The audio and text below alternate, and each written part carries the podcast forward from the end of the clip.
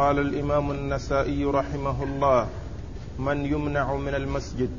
وقال أخبرنا إسحاق بن منصور قال حدثنا يحيى عن ابن جريج قال حدثنا عطاء عن جابر رضي الله عنهما أنه قال قال رسول الله صلى الله عليه وسلم من أكل من هذه الشجرة؟ قال أول يوم الثوم ثم قال الثوم والبصل والكراث. فلا يقربنا في مساجدنا فإن الملائكة تتأذى مما يتأذى منه الإنس. بسم الله الرحمن الرحيم. الحمد لله رب العالمين وصلى الله وسلم وبارك على عبده ورسوله نبينا محمد وعلى آله وأصحابه أجمعين. أما بعد فيقول النسائي رحمه الله من يمنع من دخول المسجد؟ هذه الترجمة عقدها النسائي رحمه الله لبيان آه، آه، جماعة لبيان أن جماعة من الناس اتصفوا بوصف من الأوصاف في حال اتصافهم بهذا الوصف أنهم منهيون عن دخول المسجد أو دخول المساجد وذلك لما يترتب على دخولهم في مواضع العبادة من إيذاء الناس. بروائحهم الكريهة بل وإيذاء الملائكة الذين يتأذون مما يتأذى منه الإنسان. وقد أورد النسائي حديث جابر بن عبد الله الأنصاري رضي الله تعالى عنهما الذي يقول فيه أن النبي صلى الله عليه وسلم قال من أكل من هذه الشجرة؟ قال في أول يوم الثوم. يعني أنه آه هذا بيان للشجرة. وأن وأنه قال في أول أول الأمر الثوم. ثم قال بعد ذلك الثوم والبصل والكراث يعني أن هذه الأنواع الثلاثة التي هي الثوم والبصل والكراث آه، من أكل منها فلا يقربنا في مساجدنا فإن الملائكة تتأذى مما يتأذى منه الإنس. فهذا نهي من رسول الله صلى الله عليه وسلم لمن أكل الثوم والبصل والكراث أن يدخل المسجد لأنه يؤذي الناس برائحته. ونهيه عن دخول المسجد آه، فيه حرمان له وفيه آه، آه، فيه حرمان له وحيلولة دون حصوله على هذا الخير. الذي يفوته بمنعه من دخوله المسجد وفيه أيضا إراحة للناس وإراحة للملائكة حيث يسلمون من الأذى بهذه الرائحة الكريهة. حيث يسلم الإنس والملائكة من هذه الرائحة الكريهة التي هي رائحة آه، الثوم والبصل والكراث. وهذا النهي المراد منه ومقتضاه أن الإنسان إذا أراد أن يأكل الثوم والبصل والكراث فإنه يأكله مطبوخا ويأكله وقد ذهبت رائحته وكذلك أيضا إذا أكله يأكله آه، إذا أكله نيئا لا يأكله قرب وقت الصلاة وقرب وقت الذهاب إلى المسجد بل يأكله في وقت مبكر ثم إذا جاء الوقت الذي هو وقت الصلاة تكون قد ذهبت تلك الرائحة. أو يأكل بعده شيئا يزيل هذه الرائحة إذا كان يقضي عليها ويزيلها. فإذا هو ليس ليس ترخيصا آه، ليس رخصة وإنما هو حرمان. ليس رخصة لمن أكل الثوم والبصل وأن الإنسان له أن يأكل الثوم والبصل ويترك المسجد ويقول بحجة أن آه، الرسول قال لا يقربنا مساجدنا بل عليه أن لا يفعل ذلك حتى لا يحصل له هذا الحرمان حتى لا يحصل له هذا الحرمان.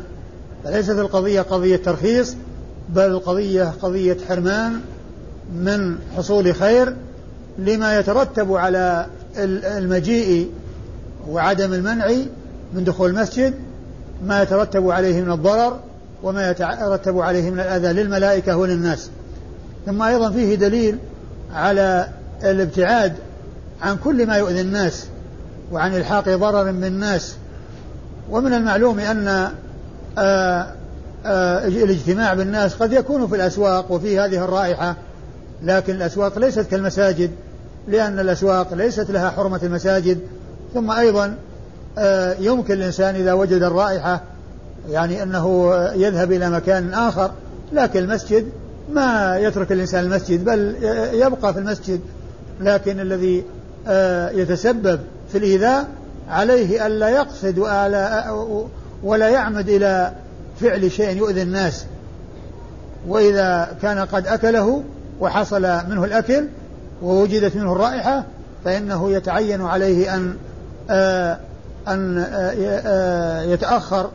يتاخر ولا يأتي المسجد في ذلك الوقت الذي أكل فيه الثوم والبصل والكراث ولكن عليه أن لا يفعل ذلك في المستقبل. عليه أن لا يفعل ذلك في المستقبل حتى لا يتسبب في حرمان نفسه من هذا الخير وذلك بكونه يؤذي الناس إذا أتى المسجد وهو على هذه الحالة. ثم أيضا فيه دليل على أن الملائكة تتأذى من الروائح الكريهة وتتأذى مما يتأذى منه الإنسان. تتأذى مما يتأذى منه الإنسان ومن ذلك التأذي بالروائح لأن آه الحديث إنما جاء في تأذي من رائحة وإذا فالملائكة تتأذى من الرائحة الكريهة كما أن الإنس يتأذون من الرائحة الكريهة. وإذا كان آه هذا آه هذا الحديث جاء في المنع من دخول المسجد لمن أكل من هذه الأنواع الثلاثة لما فيها من رائحة كريهة مع أن الأصل فيها أنها طيبة وأنها من الطيبات ولكن المحذور إنما هو بالرائحة التي آه تكون آه عند الأكل أو بعد الأكل بوقت ليس بالطويل. فإن آه الابتع... فإن فإنه يجب على الإنسان أن يعلم أو يجب على من ابتلي بشرب الدخان أن يعلم بأنه قد آذى نفسه وآذى غيره وكذلك إيذاؤه لنفسه يكون بأنواع من الأذى وليس بنوع واحد فإنه يؤذي نفسه بإضرار جسده وبإقدامه على إهلاكه وإلى إمراضه وحصول المرض له وكذلك أيضا أذى الأذى الذي فيه يرجع إلى إضاعة ماله وإلى إتلاف ماله في أمر يعود عليه بالمضرة ثم أيضا يكون في قد يكون في ذلك إضرار بمن يعولهم وبمن تجب عليه نفقتهم حيث يصرف جملة من المال الذي يحتاج إليه في مصالح الأهل ومن يعوله فيصرفه في أمر محرم يصرفه في أمر يعود عليه بالمضرة ويعود عليه بالخسران ثم كذلك أيضا فيه إيذاء للناس إيذاء للملائكة وإيذاء للناس. وإذا كانت الملائكة والإنس يتأذون من رائحة البصل والثوم والكراث فإن مع أنها من الطيبات وقد منع من أكلها أن يأتي من المسجد فإن امتناع الإنسان من الدخان وابتعاده عنه والحيلولة بين نفسه وبين أن تبتلى فيه أن هذا من آكد الأمور المطلوبة التي يتعين على الإنسان أن يكون على علم بها وأن يكون حذرا وأن يكون يقظا بأن يبتلى بشرب هذا البلاء الذي ابتلي به كثير من الناس. فإن شرب الدخان حرام من وجوه كثيرة من جهة أن فيه إيذاء للناس وإيذاء للملائكة ومن جهة أن فيه إضرارا بالجسد وإمراضا للنفس وقد يكون سببا للهلاك قد يكون سببا للقضاء على الإنسان ثم أيضا فيه إضاعة للمال. والرسول الكريم صلى الله عليه وسلم نهى عن إضاعة المال حيث قال صلى الله عليه وسلم إن الله ينهاكم عن ثلاث قيل وقال وكثرة السؤال وإضاعة المال. ثم إضاعة المال بماذا؟ هل إضاعة المال بأمر يعود عليه بمنفعة؟ بل بأمر يعود عليه بالمضرة. يعود عليه بالمضرة.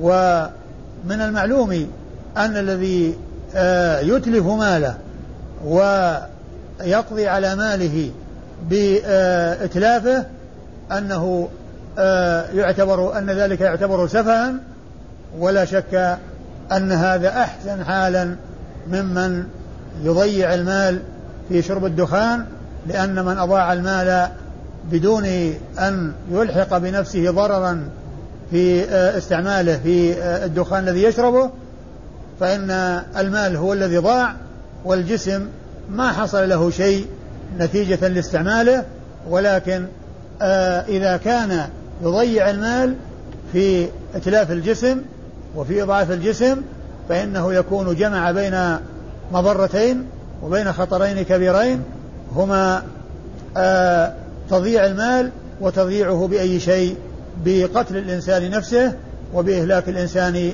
نفسه. وإذا كان من آه يضيع ماله ومن يتلف ماله من غير أن يستفيد منه شيئا أصلا فإن ذلك يعتبر سفها منه ومن آه، يستعمله بشرب الدخان أشد سفها من هذا السفيه الذي يضيع المال في آه، غير طائل وفي غير فائدة لأن هذا ضيعه وأضاف إلى تضييعه أنه يكون بما فيه قتل النفس. فلا رأيت إنسانا معه نقود يمزقها ويرميها في الهواء لاعتبرته سفيها لأنه ضيع ماله وأتلف ماله. وهذا وهذا وهذا السفيه أحسن حالا ممن يشتري به دخان ويشربه. هذا أحسن حالا من هذا. إذا كانت النفوس تعتبر أو الناس يعتبرون مثل هذا في غاية السفة فإن هذا أحسن حالا من ذاك. هذا يعتبر أحسن حالا من ذاك.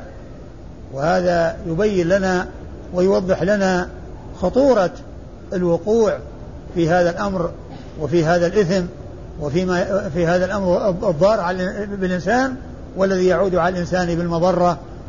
والحاصل أن الحديث الذي معنا فيه نهي الرسول صلى الله عليه وسلم من أكل ثوما أو بصلا أو كراثا من قربان المسجد لما يترتب عليه من إيذاء الناس وإيذاء الملائكة ومع أنها مع أن هذان في الأصل من الطيبات ولكن محذور إنما هو من الرائحة الكريهة فإن الدخان والتحذير منه والتحذير من إيذاء الناس منه فيه يكون من باب أولى وأحرى. أما آه إسناد الحديث فيقولنا سي أخبرنا؟ إسحاق بن منصور. يقولنا سيخبرنا إسحاق بن منصور.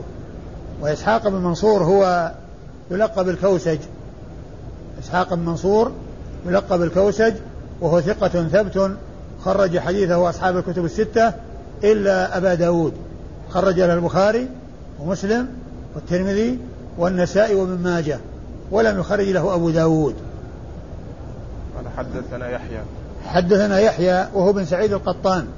المحدث الناقد الإمام في الجرح والتعديل وهو الذي قال عنه الإمام الذهبي في كتابه من يعتمد قوله في الجرح والتعديل عنه وعن عبد الرحمن بن مهدي يقول عن هذين الرجلين إذا اجتمعا على جرح شخص فهو لا يكاد يندمل جرحه.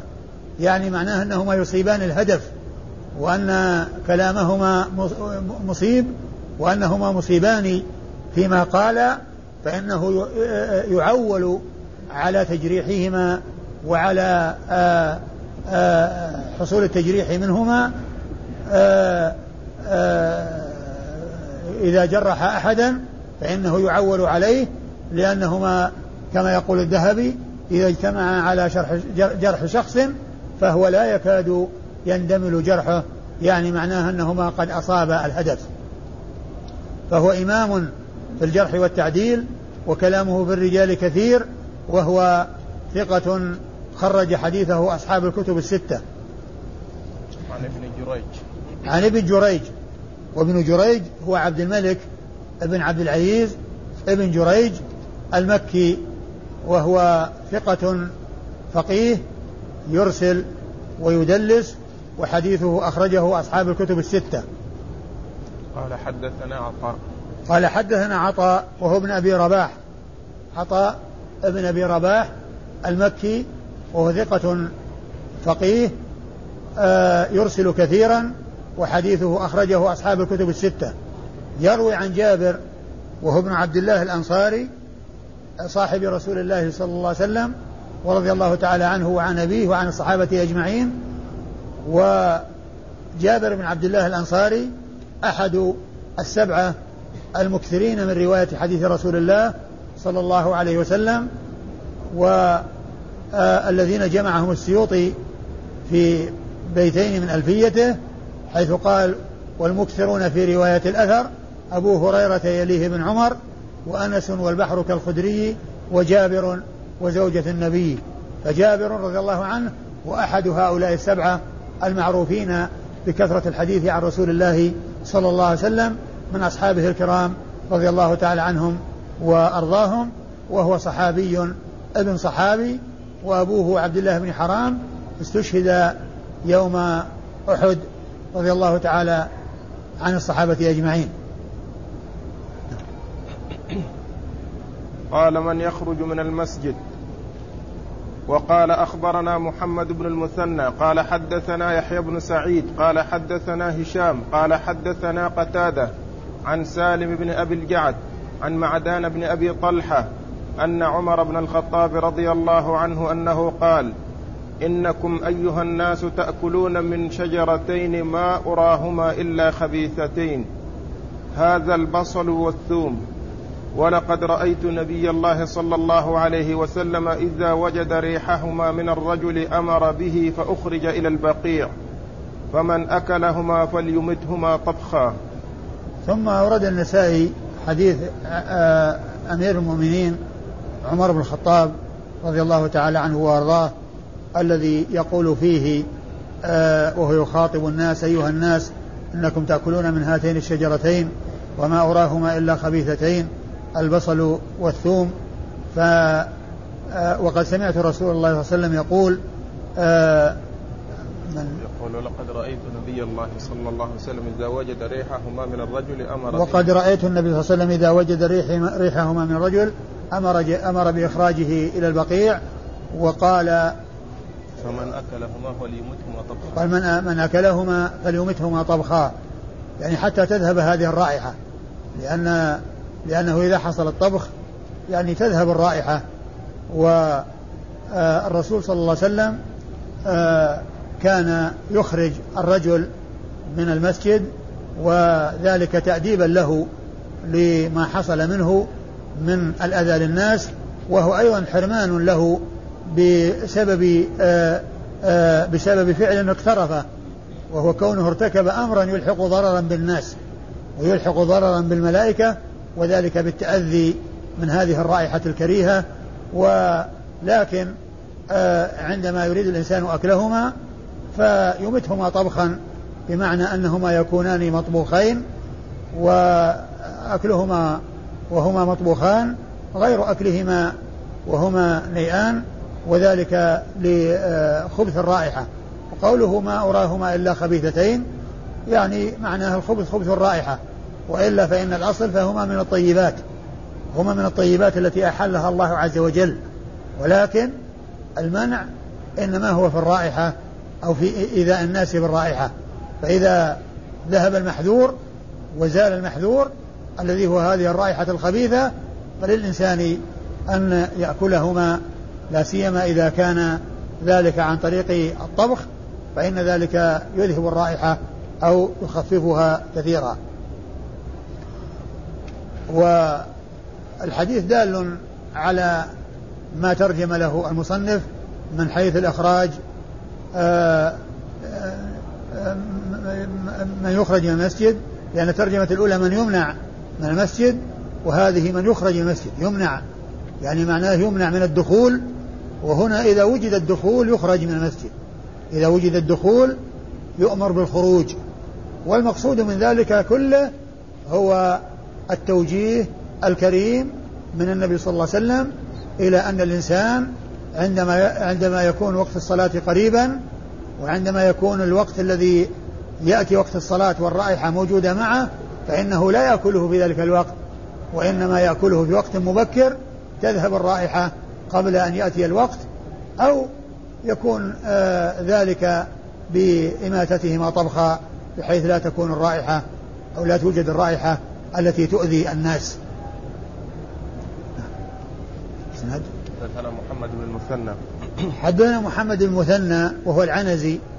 محمد بن المثنى العنزي الملقب الزمن وكنيته أبو موسى وهو ثقة آه، حديثه أخرجه أصحاب الكتب الستة بل هو شيخ لأصحاب الكتب الستة.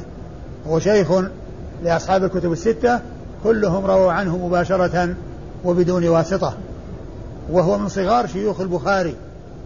البخاري رحمه الله هو أول أصحاب الكتب الستة وهو أقدمهم والمتقدم فيهم ولادة ووفاة ولهذا فإن محمد بن مثنى هو من صغار شيوخه الذين أدركهم آه، من بعد البخاري ومن هو متأخر عن البخاري مثل النسائي الذي توفي سنة 303 ومحمد بن مثنى توفي سنة 52 و200 والبخاري مات سنة 56 و200 يعني قبل أي بعد وفاة محمد بن مثنى بأربع سنوات فهو من صغار الشيوخ البخاري الذين أدركهم من تأخر عن البخاري بخلاف كبار الشيوخ الذين ماتوا والبخاري عمره 15 سنة أو عمره عشر سنين أو قريب من ذلك فهؤلاء من كبار الشيوخ الذين ما أدركهم النسائي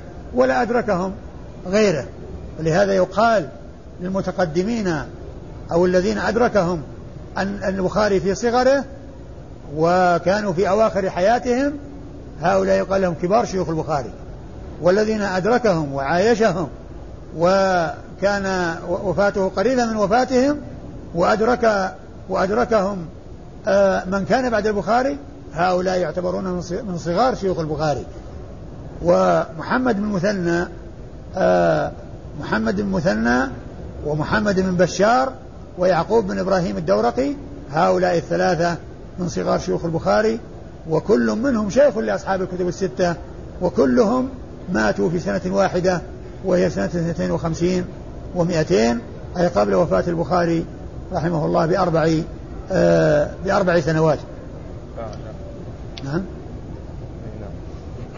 ومحمد بن المثنى آه يماثله تماما آه محمد بن بشار. يماثله في آه سنة الولادة يوافقه في سنة الولادة وسنة الوفاة. والاتفاق في التلاميذ والشيوخ وكون كل واحد منهما من أهل البصرة. ولهذا قال عنهما ابن حجر وكان هو محمد بن بشار كفر رهان ومات في سنة واحدة. يعني سنة الولادة واحدة وسنة الوفاة واحدة. وهم من أهل البصرة واشتركوا في التلاميذ والشيوخ لأنهم في عصر واحد وفي زمن واحد وعمرهما متفق فهما كفر سيرهان يعني المتسابقين اللي ما واحد يسبق الثاني يعني آه متساويان. كفر سيرهان ومات في سنة واحدة. أيوة. قال حدثنا يحيى بن سعيد. حدثنا يحيى بن سعيد وهو القطان الذي مر ذكره في الإسناد الذي قبل هذا. نعم. قال حدثنا هشام. قال حدثنا هشام بن عن عروة. نعم. هشام يروي عن أبيه. نعم حدثنا هشام وهو ابن عروة ابن الزبير ابن العوام وهو ثقة خرج حديثه أصحاب الكتب الستة. يروي. ابن عروة أو الدستوائي ها؟ يروي عن قتادة هذا. من هو عن قتادة؟ إيه؟ آه لا نعم هذا هشام مو عن عروة. آه هشام الدستوائي. هشام هشام الدستوائي وهو وهو ثقة ولا صدوق؟ ثقة ثبت ثقة ثبت نعم. يروي عن قتادة؟ اي نعم. نعم. يقول ليس ليس هشام بن عروة. لا. هشام هشام آه، الدستوائي وهو ثقة خرج حديثه وأصحاب الكتب الستة. قال حدثنا قتادة. حدثنا قتادة وهو من دعامة السدوسي. حدثنا قتادة وهو من دعامة السدوسي وهو ثقة خرج حديثه أصحاب الكتب الستة. عن سالم بن أبي الجعد. عن سالم بن أبي الجعد وسالم بن أبي الجعد هو ثقة آه خرج حديثه أصحاب الكتب الستة أيضا. عن معدان بن أبي طلحة. عن معدان بن أبي طلحة اليعمري وهو شامي ثقة خرج له مسلم وأصحاب السنن الأربعة. خرج له مسلم وأصحاب السنن الأربعة. عن عمر. عن عمر. عن عمر بن الخطاب رضي الله تعالى عنه أمير, أمير المؤمنين وثاني الخلفاء الراشدين وصاحب المناقب الجمة المناقب الكثيرة التي آه، منها قول الرسول الكريم صلى الله عليه وسلم له إنك ما سلكت فجا إلا وسلك الشيطان فجا غير فجك. يعني بمعنى أنه لا يجتمع عمر والشيطان في طريق واحد فإما عمر وإما الشيطان. فيهرب الشيطان من الطريق الذي يكون فيه عمر بن الخطاب رضي الله تعالى عنه وأرضاه وهذا من أجل مناقبه ومن خير مناقبه. ومن ذلك أن النبي صلى الله عليه وسلم آه، أخبره عن قصر رآه له في الجنة وأنه قيل هذا لعمر بن الخطاب. رضي الله تعالى عنه فهو صاحب المناقب الكثيرة آه، وهو الذي حصل في في زمن خلافته الفتوحات العظيمة حيث قضي على الدولتين العظميين في ذلك الزمان وهما دولة فارس والروم دولة فارس والروم فإنه قد آه، قضي عليهما وانتهت في زمن خلافته وأنفقت كنوزهما في سبيل الله على يدي عمر بن الخطاب رضي الله عنه وأرضاه وتحقق بذلك ما أخبر به الرسول الكريم صلى الله عليه وسلم من إنفاق كنوزهما في سبيل الله. وحديثه عند أصحاب الكتب الستة. قال ضرب الخباء في المساجد. وقال أخبرنا أبو داود. قال حدثنا يعلى. قال حدثنا يحيى بن سعيد عن عمرة عن عائشة رضي الله عنها أنها قالت كان رسول الله صلى الله عليه وسلم إذا أراد أن يعتكف صلى الصبح ثم دخل في المكان الذي يريد أن يعتكف فيه فأراد أن يعتكف العشر الأواخر من رمضان فأمر فضرب له خباء وأمرت حفصة فضربت لها خباء فلما رأت زينب خباءها أمرت فضرب لها خباء فلما رأى ذلك رسول الله صلى الله عليه وسلم قال آل بر تردنا فلم يعتكف في رمضان واعتكف عشرا من شوال. ثم أورد النسائي رحمه الله ضرب الأخبية بالمسجد. يعني وهي الخيمة أو المكان الذي يوضع في المسجد ليختص به الإنسان ليعتكف به. وكذلك لغير هذا كما يأتي في الحديث الآخر الذي بعد هذا فأورد النسائي هذه الترجمة وأورد تحتها حديثين آه، حديث عائشة. حديث عائشة أم المؤمنين رضي الله تعالى عنها وأرضاها أن النبي صلى الله عليه وسلم كان إذا اعتكف العشر آه، دخل معتكفه بعد صلاة الصبح. دخل بعد صلاة الصبح دخل معتكفه فأراد أن يعتكف وضرب الخباء أو أمر بضرب الخباء ثم يعني أمرت أو استأذنت بعض أصحاب الرسول صلى الله عليه وسلم أن تضرب خباء وأن تعتكف فأذن, فأذن لها أو أذن لها رسول الله صلى الله عليه وسلم. ثم إن أمهات المؤمنين تتابعن على ذلك وتبع بعضهن بعضا يعني من غير استئذان.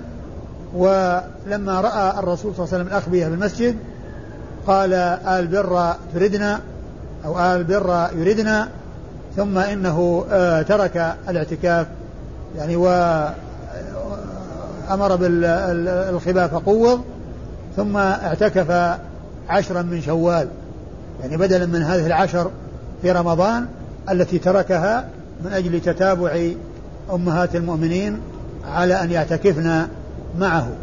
وهذا الذي قاله الرسول الكريم صلى الله عليه وسلم في قوله البر تردنا أو يردنا لأن لأنه آآ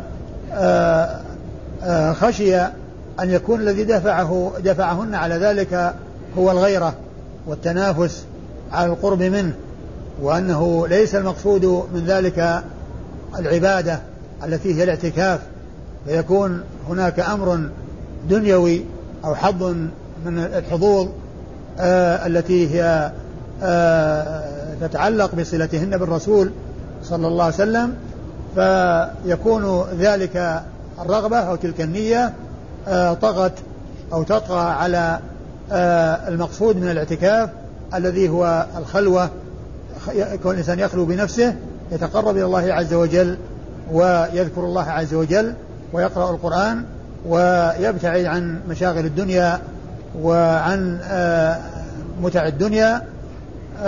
فخشي الرسول صلى الله عليه وسلم أن يكون آه، هذا هو الذي دفعهن وهو الغيرة التي والتنافس الذي يكون بينهن أو منهن للقرب من رسول الرسول صلى الله عليه وسلم والاتصال به والقرب منه.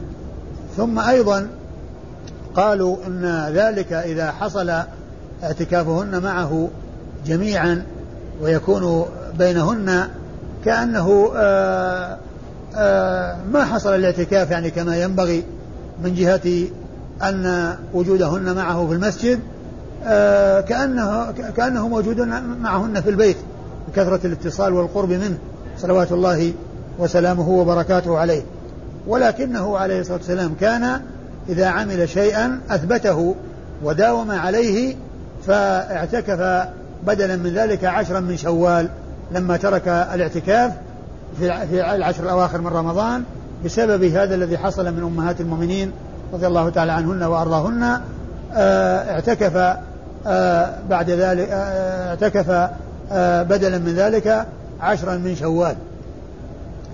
وكان عليه الصلاة والسلام إذا فعل شيئا أثبته وداوم عليه ومن ذلك ما جاء أنه كان ترك سنة الظهر وقضاها بعد العصر في يوم من الأيام. وداوم عليها واستمر على ذلك بعد العصر وهذا من خصائصه صلوات الله وسلامه وبركاته عليه. أه تعيد تعيد المتن. عن عائشة رضي الله عنها أنها قالت كان رسول الله صلى الله عليه وسلم إذا أراد أن يعتكف صلى الصبح ثم دخل في المكان الذي يريد أن يعتكف فيه. فأراد أن يعتكف العشر الأواخر من رمضان فأمر فضرب له خباء وأمرت حفصة فضرب لها خباء فلما رأت زينب خباءها دخول المعتكف يكون من أول الوقت من أول المدة التي يراد اعتكافها. فإذا كان يريد أن يعتكف الأيام فإنه يبدأ من آه يعني من أول اليوم. وإذا كان يعتكف الليالي فإنه يبدأ من أول من أول ليلة من الليالي والأيام تكون تبعا لها فالعبرة بالبداية في ما يريده الإنسان. ومن المعلوم أن النبي صلى الله عليه وسلم كان يعتكف العشر الأواخر من رمضان وكان يتحرى ليلة القدر. وليلة القدر وهي وليلة القدر هي هي ليلة من ليالي العشر. ليلة من ليالي العشر فكان يعتكف ويتحرى ليلة القدر ويطلبها في تلك الليالي. ومن المعلوم أن الليالي العشر ليالي العشر أولها ليلة واحد وعشرين أو ليلة إحدى وعشرين. وعلى هذا فيكون الاعتكاف يكون قبل غروب الشمس يعني من ليلة واحد وعشرين لأن الليلة هي التي تسبق اليوم. ليلة اليوم هي التي تسبقه. ليلة اليوم هي التي تسبقه. والرسول صلى الله عليه وسلم كان يعني آآ آآ يدخل معتكفه بعد صلاة الصبح. فمن العلماء من قال إن المقصود من ذلك أن أن اعتكاف العشر إنما يكون بعد طلوع بعد صلاة الصبح من يوم واحد وعشرين. ومنهم من قال إن آه، آه، آه، المراد بالدخول في المعتكف يعني المكان الذي كان أعد لاعتكافه وقبل ذلك كان في المسجد وليس في المعتكف وهو منحب يعني موجود في المسجد في تلك الفترة التي هي ليلة واحد وعشرين. ومنهم من قال إن المقصود من دخوله آه، أنه أن المقصود من ذلك هو كونه يكون في في صبيحة عشرين. يعني بمعنى أنها تكون ليلة واحد وعشرين موجودة ويضاف إليها بياض النهار الذي يكون قبلها الذي يكون قبلها. وجمهور العلماء على أن اعتكاف العشر إنما يكون عند غروب الشمس من ليلة آآ آآ يعني آآ غروب الشمس في يوم عشرين بمعنى أن ليلة إحدى وعشرين تبدأ من غروب الشمس إذا غربت الشمس يوم عشرين بدأت ليلة إحدى وعشرين. جمهور العلماء على هذا ويقولون إن أن دخول الرسول صلى الله عليه وسلم يعني يكون محمولا على أنه بعد صلاة الصبح في اليوم الذي قبل تلك الليلة. ف يعني لأن النبي صلى الله عليه وسلم كان يعتكف يتحرى العشر ليلة القدر وليلة القدر إنما هي في العشر وليلة 21 هي منها وقد وافق أنها كانت ليلة 21 في ليلة من الليالي في سنة من السنوات كما في حديث أبي سعيد الخدري في قصة كونه يسجد على ماء وطين وكان ذلك في صبيحة إحدى وعشرين في صبيحة إحدى وعشرين. فمن العلماء من أخذ بظاهر الحديث وقال إن من اعتكف العشر يكون بعد صلاة الصبح من ليلة 21 ومنهم من قال إنه ليلة 21 داخلة في الاعتكاف وهي من جملة ليالي العشر واعتكاف ليالي العشر إنما يكون بفعلها من أولها وأولها يكون بغروب الشمس يوم عشرين حيث تبدأ ليلة واحد وعشرين. وقالوا إن أن أن, أن دخوله يعني يكون في صبيحة آه، عشرين وعلى هذا فيكون ليلة واحد وعشرين من ضمن من ضمن المعتكف. وقد قال بعض العلماء إن هذا هو أقرب الاحتمالات التي يحمل عليها الحديث.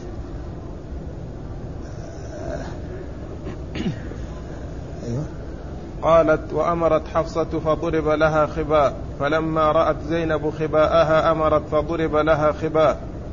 فلما رأى ذلك رسول الله صلى الله عليه وسلم قال آل بر تردن فلم يعتكف في رمضان واعتكف عشرا من شوال. يعني ترك وتركنا أيضا معه ولكنه إذا فعل شيئا أثبته وداوم عليه وقضاه فكان قضى بدلا من هذه العشر عشرا من شوال صلوات الله وسلامه وبركاته عليه.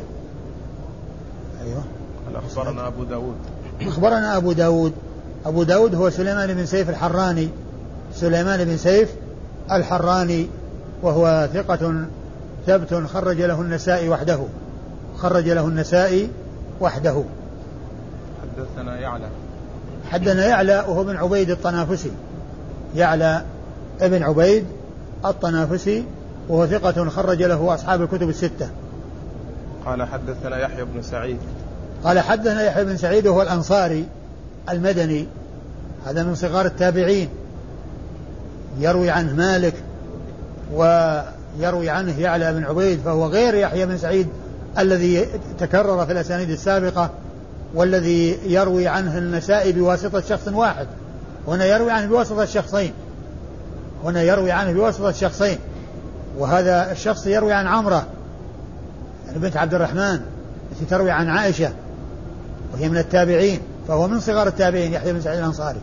يحيى بن سعيد هذا هو الأنصاري المدني وهو ثقة خرج حديثه أصحاب الكتب الستة. عن عمرة بنت عبد الرحمن الأنصارية المدنية وهي ثقة خرج حديثها أصحاب الكتب الستة وهي مكثرة من الرواية عن عائشة أم المؤمنين رضي الله تعالى عنها وأرضاها. عن عائشة.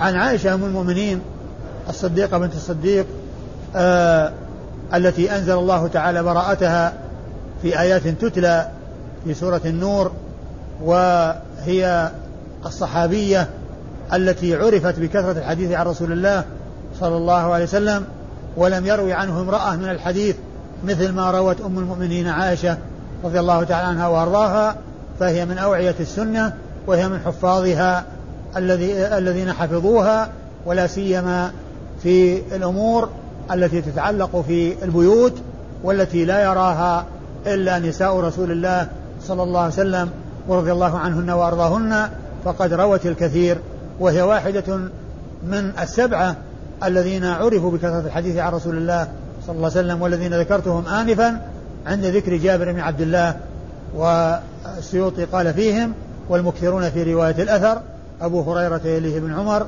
وأنس والبحر كالخدري وجابر وزوجة النبي زوجة النبي عائشة رضي الله عنها وأرضاها. قال أخبرنا عبيد الله بن سعيد قال حدثنا عبد الله بن نمير قال حدثنا هشام بن عروة عن أبيه عن عائشة رضي الله عنها أنها قالت أصيب سعد أصيب سعد يوم الخندق رماه رجل من قريش رمية في الأكحل فضرب عليه رسول الله صلى الله عليه وسلم خيمة في المسجد ليعوده من قريب.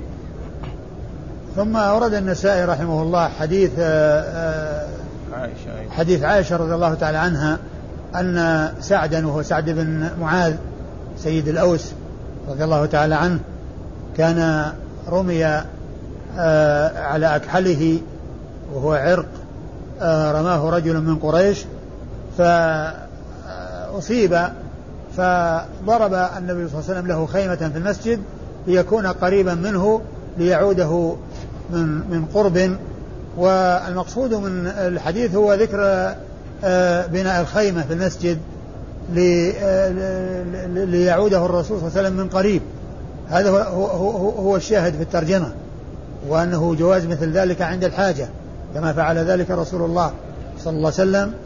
فإذا بالنسبة للاعتكاف وبالنسبة لهذا آه، آه، الصحابي الجليل الذي الذي هو سيد الأوس والذي آه،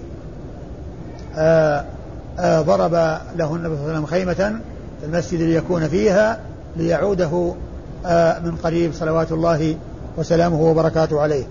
وسعد بن معاذ هو سيد الأوس وأما سعد بن عبادة هو سيد الخزرج.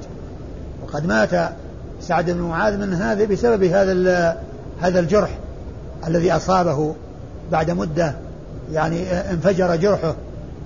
وسأل الله عز وجل أن يعني أن تكون وفاته يعني بذلك فانفجر الجرح فكان فكان فكان ذلك يعني موته على بسبب ذلك وكان شهيدا في سبيل الله بسبب وأما سعد بن عبادة فقد عاش بعد وفاة الرسول صلى الله عليه وسلم وهو الذي أراد الأنصار أن يجعلوه أميرا كما في يوم السقيفة سقيفة بني ساعدة. حتى جاءهم أبو بكر رضي الله عنه وقص لهم وأخبرهم بما أخبرهم به وجرى ما جرى واتفقوا على بيعة أبي بكر الصديق رضي الله تعالى عنه وأرضاه. فسعد بن معاذ سيد الأوس متقدم الوفاة وكان ذلك بعد بعد الخندق. وأما سعد بن عبادة سيد الخزرج فكانت وفاته آه، فكان عاش بعد وفاة الرسول صلوات الله وسلامه وبركاته عليه نعم. قال أخبرنا عبيد الله بن أخبرنا عبيد الله بن سعيد وهو اليشكري السرخسي وقد قال عنه الحافظ في التقريب ثقة مأمون سني وقال عنه سني لأنه أظهر السنة في بلده وهو وقد خرج حديثه البخاري ومسلم والنسائي. خرج حديثه الشيخان والنسائي من أصحاب السنة الأربعة. يعني لم يخرج له أبو داود ولا الترمذي ولا ابن ماجه. حدثنا عبد الله بن نمير. حدثنا عبد الله بن نمير وهو ثقة خرج حديثه أصحاب الكتب الستة. قال حدثنا هشام بن عروة. قال حدثنا هشام بن عروة بن عروة بن الزبير. وهو ثقة حديثه عند أصحاب الكتب الستة. يروي عن أبيه عروة ابن الزبير آه وهو ثقة آه فقيه وهو أحد فقهاء المدينة السبعة الذين آه اشتهروا بهذا اللقب في عصر التابعين. ومنهم عروة بن الزبير بن العوام هذا وحديثه عند أصحاب الكتب الستة.